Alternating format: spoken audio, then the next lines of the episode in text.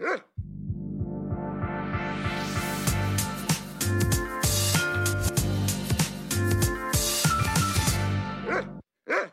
er veldig mange som lar være å forsikre hundene sine, og det forstår jeg bare ikke. Forsikring er jo så viktig. Det kan jo være at noen syns at forsikring er vanskelig å sette seg inn i, og derfor har vi bestemt oss for å vie en hel episode til eh, temaet.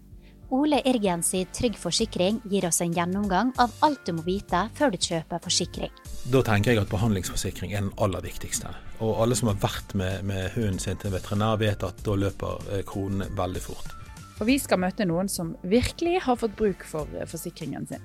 Hun koster ca. 10 000 i måneden. Tidlig sommer da tror jeg hun kosta 40 000 på tre uker, så det var gøy.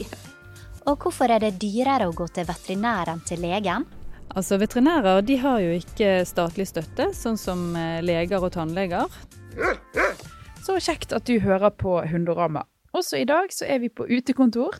Vi starter med en advarsel, for eh, etter at du har hørt denne episoden, så er det stor sannsynlighet for at du har lært noe nytt om eh, hundeforsikring. Det gjorde i hvert fall begge vi to da vi laget den. Men vi skal begynne med noe som jeg syns er veldig rart. Hør på dette. Vi regner vel med at i Norge så er det under halvparten av hundene som har en forsikring. Og Det er i motsetning til bl.a. Sverige. Der har de en, en forsikringsandel på over 80% på hunder. Hvorfor er det sånn i Norge? Jeg kan bare ikke forstå det, fordi jeg aldri hadde turt å la være å forsikre hunden min. Og for meg så har det i alle fall lønna seg med forsikring, for min hund, en vippet, den fikk pankreatitt, det er bukspyttbetennelse, og da gikk altså tusenlappene kjempefort. Ja, men det er jo ikke billig med en forsikring, så sånn sett så går det jo an å forstå at ikke alle tar seg råd. Um, I løpet av et hundeliv så betaler man jo kanskje mange ganger det det koster for en ny hund til forsikringsselskapet. Og om litt så skal vi få høre mer om hva som kan være årsaken til at så få velger forsikring her i landet, men først så skal vi møte noen hundeeiere. Blant de som var ute og gikk i Bergen, var det i hvert fall ingen som mangla forsikring. Har du forsikra hunden din? Ja, det har jeg. Har du et eksempel på en situasjon der du har fått bruk for forsikringa? Ja, sist vi eh, var innom så var det noe med labbene, og da eh, har jeg kommet godt med. Nei, det er for å kunne ta eventuelle hendelser eller ta toppen av en del hendelser. da. Nå har ikke jeg noe sånn heftig forsikring. Eh, den er vel begrenset opp til 30 000, og så er det 25% egenandel.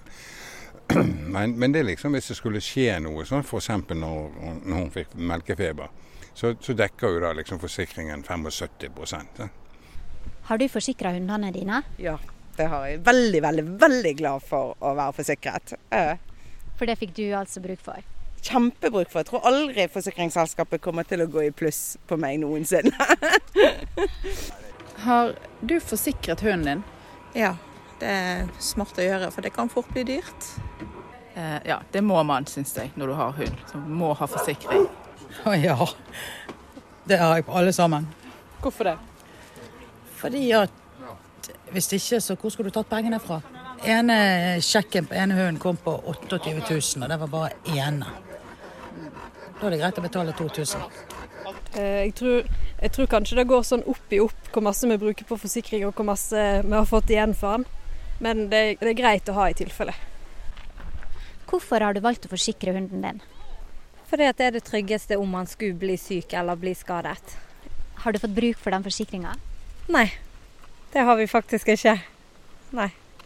Men er det slik at du tenker at du eh, vil fortsette å forsikre den? Ja, uten tvil.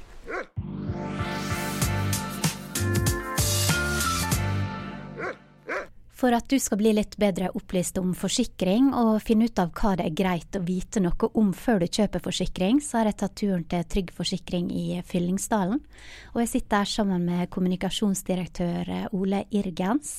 Tusen takk for at eh, vi fikk lov til å komme. Det er bare hyggelig. Jeg tenker at vi tar det helt fra starten av. Hva type forsikringer er det som finnes for hund? Det finnes flere ulike forsikringer, og de forskjellige selskapene har jo sine oppdelinger. Men den aller viktigste eh, forsikringen det er jo en behandlingsforsikring. Og Vi pleier å si at det er egentlig en, en, forsikring for din egen personlige økonomi. Vi vet at det kan være veldig dyrt å ta hunden til veterinær. Og en behandlingsforsikring den dekker da de utgiftene du får når du må ta hunden din til dyrlegen. Så har du også en uh, dødsforsikring eller en livsforsikring, alt ettersom. Den, den dekker bare det hunden uh, koster. altså Den dekker det det vil koste å kjøpe en ny hund hvis den du har dør. Så Det er de to hovedforsikringene. Så har vi også noen tilleggsforsikringer som inne, inneholder tannkjøtt og tannforsikring og sånn. Eh, vi har denne forsikringen, eller disse forsikringene samlet til én. Det er bestforsikringen vår. Det, det, er en dekning som, som, vi anbefaler alle å ta. Eh, den vil hete litt ulike ting i de ulike selskapene, men vi anbefaler at man velger den, den mest omfattende forsikringen. Men hvis uh, man tenker at forsikring kanskje er litt dyrt, eller man uh, ikke vil ta seg råd til alle, hvilke av disse tenker du at man må ha? Ja, Da tenker jeg at behandlingsforsikring er den aller viktigste. Og alle som har vært med, med hunden sin til veterinær, vet at da løper kronene veldig fort. sånn at behandlingsforsikring, det er pri én. Så hvis man har begrenset med økonomi, så, så, er det den man bør velge. Og det er klart at man kan jo stå i den situasjonen at eh, privatøkonomien kan få seg en skikkelig smell hvis man får en veterinærregning på 30 000-40 000 kroner. Eh, og Da er det greit å ha en forsikring, ellers må man kanskje velge bort noe annet. Eller worst case så må man kanskje la være å operere eller i verste fall avlive hunden fordi ikke man har råd til å gi hunden den behandlingen han skal ha. Hva er det som må til for å få forsikre hunden? Er det alle hunder som kan bli forsikra? Ja, vi tar imot alle hunder, på å si både rasehunder og blandingshunder. Og, og alle hunder er velkommen til å bli kunder. Nå er det jo ikke de som er kunder, da det er jo eierne som er kunder. Men, men vi tar imot alle hunder. Eh, vi har en aldersbegrensning oppad på, på seks år. Så hvis hund er uforsikret, eh, så er seks år en øvre grense for en, en, ny hund hos oss. Hvis han har vært forsikret hos et annet selskap, så kan vi være litt mer fleksible på alder. Men når han er seks år og oppover, så, så sier vi nei til, til hunder. Hva tid er det man bør eh, forsikre hunden? Da tenker jeg på alder. Man forsikrer jo hunden med en gang man kjøper den. Dvs. Si at får man en valp i huset, så, så, tegner man forsikring når valpen kommer i hus. Kjøper man en, en, eldre hund, altså en voksen hund, så er det når man overtar hunden, så ringer man selskapet sitt og ser at fra og med i dag har jeg fått med hund, og da vil jeg gjerne ha forsikring på den hunden. Så det er, det er ikke noe å vente med, det er noe man gjør med en gang man anskaffer seg en hund. Du var jo inne på det der med alder. Hvis man har en gammel hund, en skikkelig gammel hund som har kort tid igjen å leve, er det da vits i å ha forsikring på den slik du ser det? Ja, det er det jo selvfølgelig, men, men uh, da vil man nok sannsynligvis støte på en begrensning hos de fleste selskapene som, som sier at du får ikke forsikret denne hunden. Sånn at, at, og det er jo uh, nettopp fordi at risikoen for at uh, en gammel hund skal få en sykdom, er såpass stor. Men selvfølgelig har man hatt hunden forsikret fra dag én når den var valp, eller kanskje en ung hund, så er jo den fortsatt forsikret på sitt til han dør. Det er ikke sånn at forsikringen slutter å gjelde når hunden når en viss alder. Nei. Det er jo folk som tenker ulikt om forsikring. Og jeg har også hørt eh, tilfeller der folk velger å ikke ha forsikring, og så heller sette av en liten sum hver måned i tilfelle det skulle skje noe med hunden. Hva tenker du om en sånn løsning? Det kan jo selvfølgelig funke, men, eh, men, eh, og da er man det man kaller for egenassurandør, og da tar man risikoen for, for hunden sin selv. Men eh, la oss nå si at du tenker deg en slik ordning, og så etter tre måneder så får hun en, eh, en lidelse eller en skade som gjør at hun må opereres for 40 000 kroner mm. før du har spart opp så mye penger. Så, så det er et dilemma. Så eh, i, i, teorien kan nok en sånn ordning fungere, eller hvis man har en privatøkonomi som, som tåler en sånn belastning, så kan det selvfølgelig virke. Men, men vi, vi, vil selvfølgelig fraråde at man, man, gjør det, og heller la si, forsikringsselskapet ta den risikoen. Det er jo også slik at eh, noen ganger så blir det veldig mye dyrere enn du hadde sett for deg det du oppsøker veterinær. Hva er det som skjer i det øyeblikket utgiftene til veterinær blir høyere enn det beløpet du har forsikra hunden for? Ja, da må du betale det overskytende sjøl. Eh, Iallfall hos Trygg så er det sånn at du, du har en, en, grense du, eh, som, som, er forsikringssummen, som er øvre, det øvre taket på behandlingskostnader. Eh, og overskyter eh, kostnaden den summen, så, så, må du dekke det sjøl. Eh, det er jo greit å ha en dialog med veterinæren om dette. Men klart, får du, får du en utgift på hunden på 45 000 og du har, du har en, et tak på 30 så har du bare 15 å betale sjøl. Eh, og så kan man være klar over én ting til, eh, og det er egenandelsprinsippet.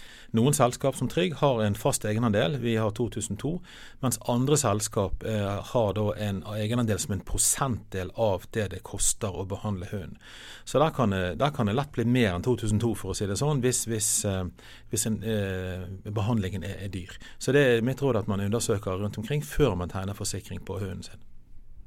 Er det noen sykdommer som forsikring ikke dekker? Ja, eh, for det første, hvis, man, hvis hun har noen lidelser, sykdommer, sånn eh, allerede ved forsikringstidspunktet, altså det tidspunktet man tegner forsikringen, så dekkes ikke det. Og så er det noen rasespesifikke eh, sykdommer og lidelser. Nå har jeg en liste som jeg må, må se på. um, altså uh, Keisersnitt. Det, hos enkelte hunderaser så er det jo sånn at de føder jo nødig ved egen hjelp. De må ha keisersnitt. En en del uh, småraser som chihuahua, engelsk og fransk bulldog og sånn, så der må, det, det, da dekkes ikke keisersnitt. Uh, og så hvis man da må, må sterilisere eller kastrere hunden uh, pga. andre sykdommer enn svikt i, i kjønnsorganene, så, så, dekkes heller ikke det. men Ellers kan man nok si at i all hovedsak så, så, dekkes det aller, aller meste. Det er veldig få unntak på en sånn hundeforsikring. Men hva med tenner, da? Ja, Vi har, eh, vi har eh, tannskadebehandling eh, i vår beste hundeforsikringsdekning. Men dersom, dersom hunden skades, altså når han får et type slag eller den tygger på et eller annet hardt, så, så, sånn at han får en tannskade, så dekkes ikke det. Eh, men det er også relativt sjeldne tilstander, så vi kan vel si at du skal være ganske uheldig for at hunden din skal få en skade som, som ikke dekkes av forsikringen. Men det er vel litt ulikt fra selskap til selskap når det kommer til tenner, er ikke det slik? Jo da, der, der, og der må man igjen. Det lønner seg å undersøke vilkårene og ta seg tid til å lese gjennom vilkårene. De fleste har jo dette veldig greit presentert på nettsidene sine, sånn at man kan lese gjennom og se eh, hvilke, til, eh, hvilke eh, vilkår som gjelder for det enkelte selskap. Og nå kan dere kanskje høre litt sånn eh, babylyder i bakgrunnen her, fordi babyen er med på å slepe den uansett eh, hva vi i Hundorama holder på med. Hvordan er det med antall hunder som eh, er forsikra, har du noe oversikt over det? Det er jo sånn at det er vanskelig å Det, det foretar seg ikke noe sånn manntall på, på, hunder i Norge. Klart Kennelklubb sånn har jo registrert mange av rasehundene, men det er også en del andre hunder som ikke er registrert noe sted. Eh, vi regner vel med at i Norge så er det under halvparten av hundene som har en forsikring. Og Det er i motsetning til bl.a. Sverige. Der har de en, en forsikringsandel på over 80% på hunder. Så det betyr at eh, kanskje mer enn halvparten av norske hundeeiere de har ingen beskyttelse, ingen forsikring mot, eh, mot behandlingsutgifter dersom hunden skulle trenge det. Jeg må si jeg ble litt overraska over det. Altså, hvorfor tror du det er forskjell eh, i Norge og i Sverige når det kommer til å forsikre hundene? Det, det, er jeg litt usikker på sjøl også, faktisk. Og det kan jo godt hende at det, det har vært en, en sånn eh, mer en tradisjon og en mer sånn kutyme i, i, Sverige å forsikre hund. Kanskje, kanskje, de svenske forsikringsselskapene har vært flinkere til å, å markedsføre den, den, type forsikringer. Men akkurat hvorfor det er sånn i to ellers ganske like land, det er det vanskelig å si. Tusen takk for at uh, vi fikk komme hit og lære så mye mer om forsikring. Nå er jeg i hvert fall er veldig mye mer bevisst på hvordan det her fungerer. Så takk, Ole Irgens, kommunikasjonssjef i Trygg. Veldig hyggelig å være med. og jeg må si at det, det, Til det siste spørsmålet også, hvor mange som er forsikret. Vi har jo sett nå under koronatiden at vi har hatt en enorm vekst i antallet hundeforsikringer. Det er nok en del sånne koronahunder som har kommet til, at man sitter hjemme og så tenker nå er tiden inne for å skaffe seg hund. Eh, så det har vært veldig gledelig for oss også å se at, at de nye hundene som er kommet til, også har, har blitt forsikret. Så det, det er vi glad for. Og i tillegg til Trygg, så finnes det mange forskjellige forsikringsselskap som har hundeforsikring. If, Gjensidige, Agria, DNB, Sparebanken1 og enda flere. Og Norsk Kennelklubb de anbefaler på det aller sterkeste at du forsikrer hunden din. Og jeg syns faktisk at jeg ser sånne spleisaksjoner hele tiden, der folk ber om penger til ulike behandlinger fordi de ikke har råd til å betale dyrlegeregningene når hunden ikke er forsikret. Og faktisk i går så ga jeg penger til en sånn spleisaksjon, men da var ikke tilfellet at vedkommende ikke hadde forsikring, men det var bare det at uh, forsikringa var maksa ut, og hun visste fortsatt ikke hva som var galt med hunden sin, så det hun ville, det var å ha penger til å gjøre flere undersøkelser, og det kunne bli en ganske kostbar affære. Hun skrev at uh, disse undersøkelsene de kunne komme helt opp i 40 000 kroner. Og det som var ganske utrolig, det var at uh, hun starta denne innsamlingsaksjonen klokka tre på ettermiddagen. Og klokka elleve, da jeg gikk og la meg, så var det kommet inn allerede 17 000 kroner. Det er jo veldig bra. Så det er jo, det er jo bra at man kan få hjelp på andre måter òg. Eh, men jeg har eh, møtt noen som i hvert fall er veldig glad for at de har eh, forsikret hunden sin. Bare hør på dette. Når jeg skulle prøve å komme på noen vi kunne snakke med i denne forsikringsepisoden, så var det kun eh, Lagotto Enditto som sto i hodet på meg. Og nå har jeg besøkt hun og eieren Marit. Og eh, dere har eh, fått brukt eh, forsikringen ganske mye. Kan ikke du fortelle? Vi begynte med privatforsikring. Eh, tenkte at det var lurt. Vi researcha rasen og så på linjen hennes og så at dette kan gå bra. Dette er en frisk rase og frisk hund. Vi kjører på med privatforsikring. Vi setter inn et beløp på en privatkonto, og så regner vi med at det holder. Så da søkte vi opp hvor mye vil en hund koste i løpet av et liv. Ca. 100 000 hvis den er frisk. Og de 100 000 de var brukt opp på ca. et halvt år, da.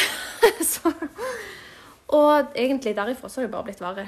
Hun har heldigvis ikke hatt noe skade eller noe, men hun har hatt litt sykdommer. Det første store var vel kanskje hjertediagnosen. At du har et for stort hjerte. Eh, og da måtte vi til kardiolog og ta spesialundersøkelser. Halvtårlig, årlig. Hver undersøkelse koster 9000, sant.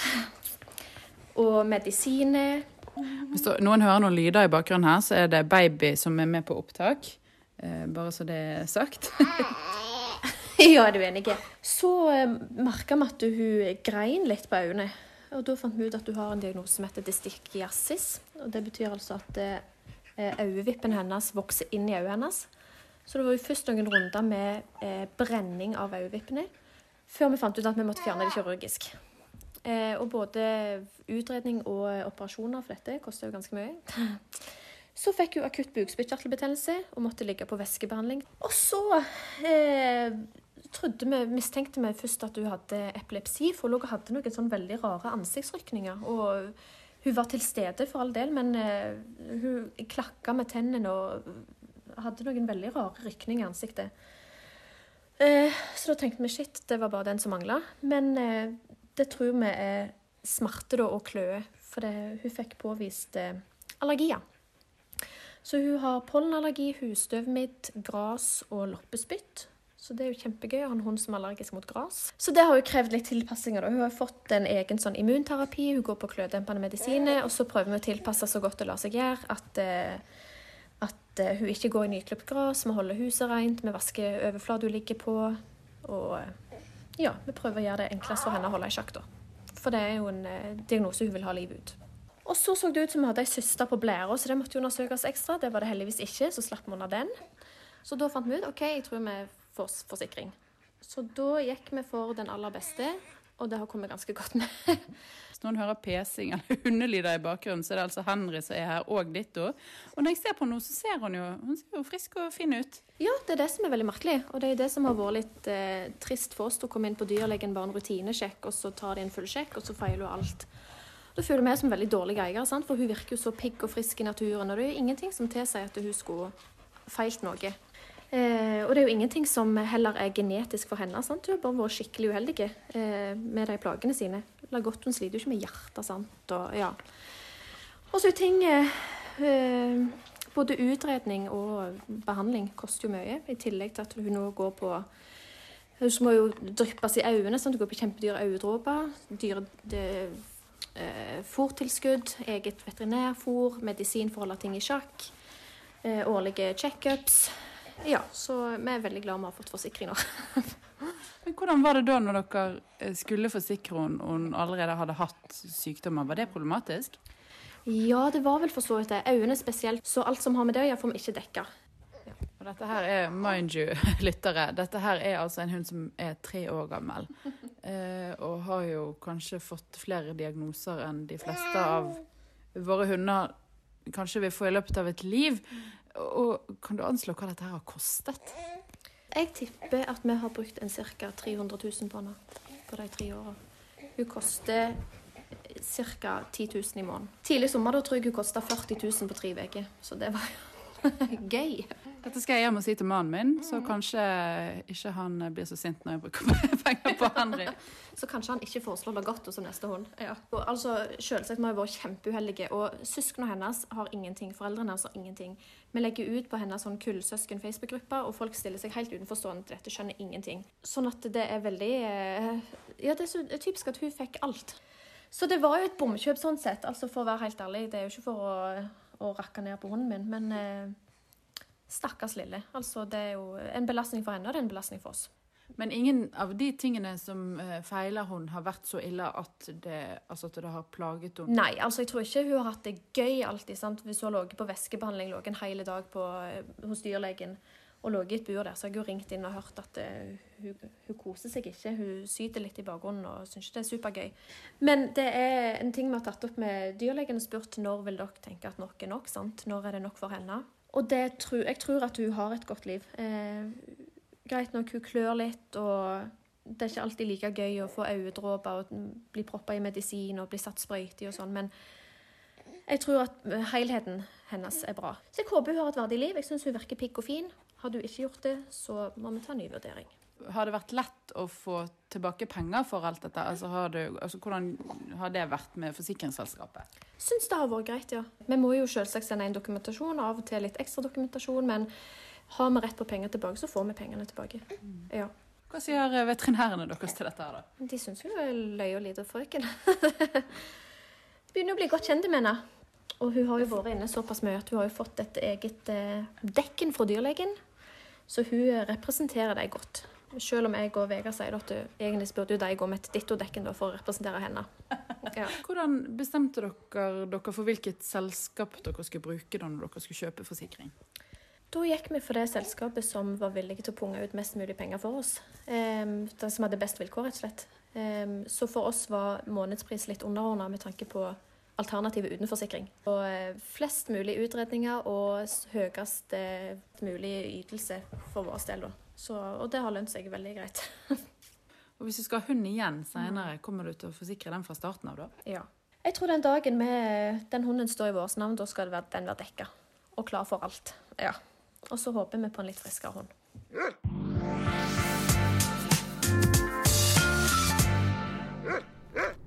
Da er det tid for Spør veterinæren igjen, og denne gangen så er jeg hos Sandviken dyreklinikk i Bergen. Jeg står her sammen med veterinær Camilla Meltvik. Hei. Hei sann. Det er jo noen som syns at det er litt dyrt å gå til veterinær. Hva er grunnen til at det koster det det koster? Altså Veterinærer de har jo ikke statlig støtte, sånn som eh, leger og tannleger. Det er også eh, noen momspliktige tjenester. Eh, det er heller ikke leger og tannleger, så det er klart at det gjør at kostnadene øker. Vi kan jo ta vår dyreklinikk, Sandviken dyreklinikk f.eks. Vi har laboratorie, vi har røntgenapparat, vi har dentalrøntgen, altså eget røntgenapparat for tenner. Vi har ultralydsmaskiner, vi har gassanestesi og operasjonssaler. Så det er klart at det, dette er på en måte eh, likt på lik linje med et sykehus, og det er kostnadsdrivende.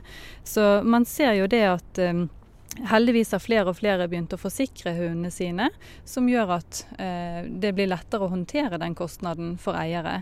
Eh, men, eh, men, det at man har eh, disse lokale som skal romme alle instrumentene, og at man har god kompetanse og sørger for kompetanseheving til veterinærene jevnt og trutt, i tillegg til eh, dyre maskiner, det vil være kostnadsdrivende. Og i og med at ikke man har noen støtte, så er det dyreeier som eh, belastes de kostnadene. Mm.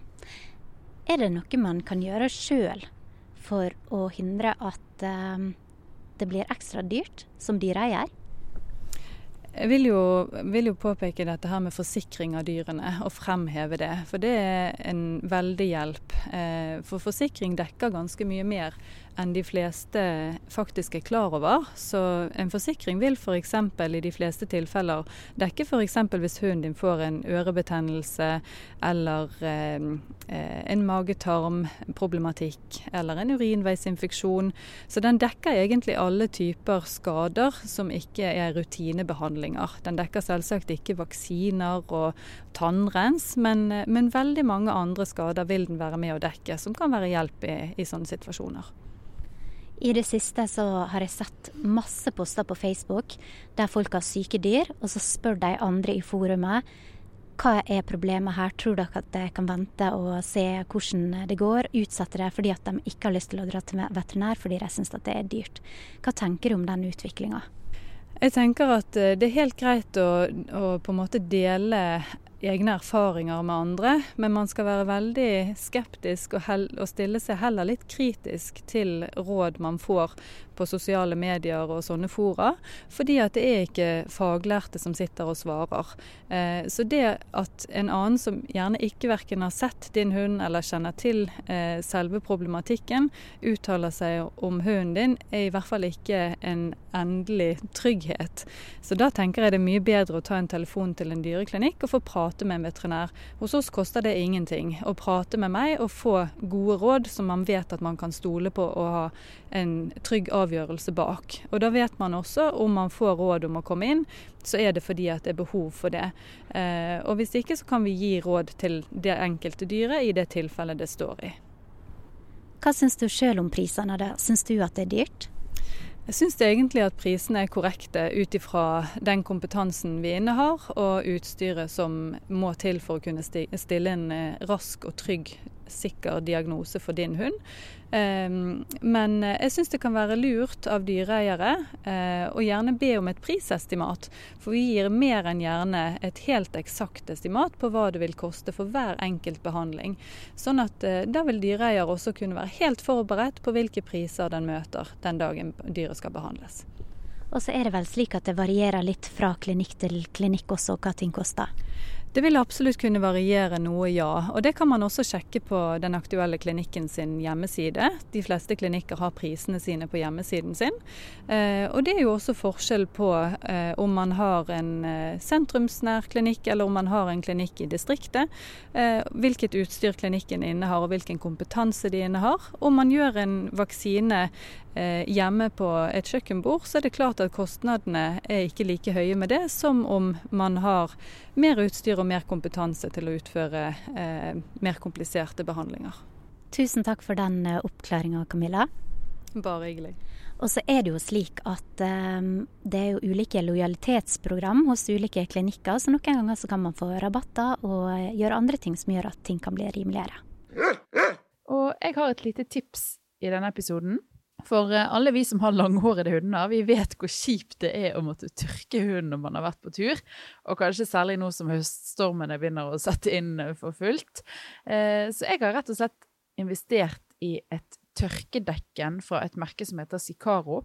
Ikke sponset her på noen selvs måte, men det er jeg i hvert fall superfornøyd med. Jeg tar det på Henry når vi har vært på tur, og etter sånn kanskje 15 minutter så er han faktisk helt tørr. Og det er helt fantastisk.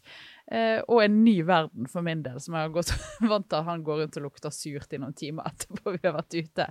Så det er jo òg ekstra pluss at eh, det i hvert fall ikke til nå har stinket av dekkene etterpå heller. Helt genialt eh, produkt.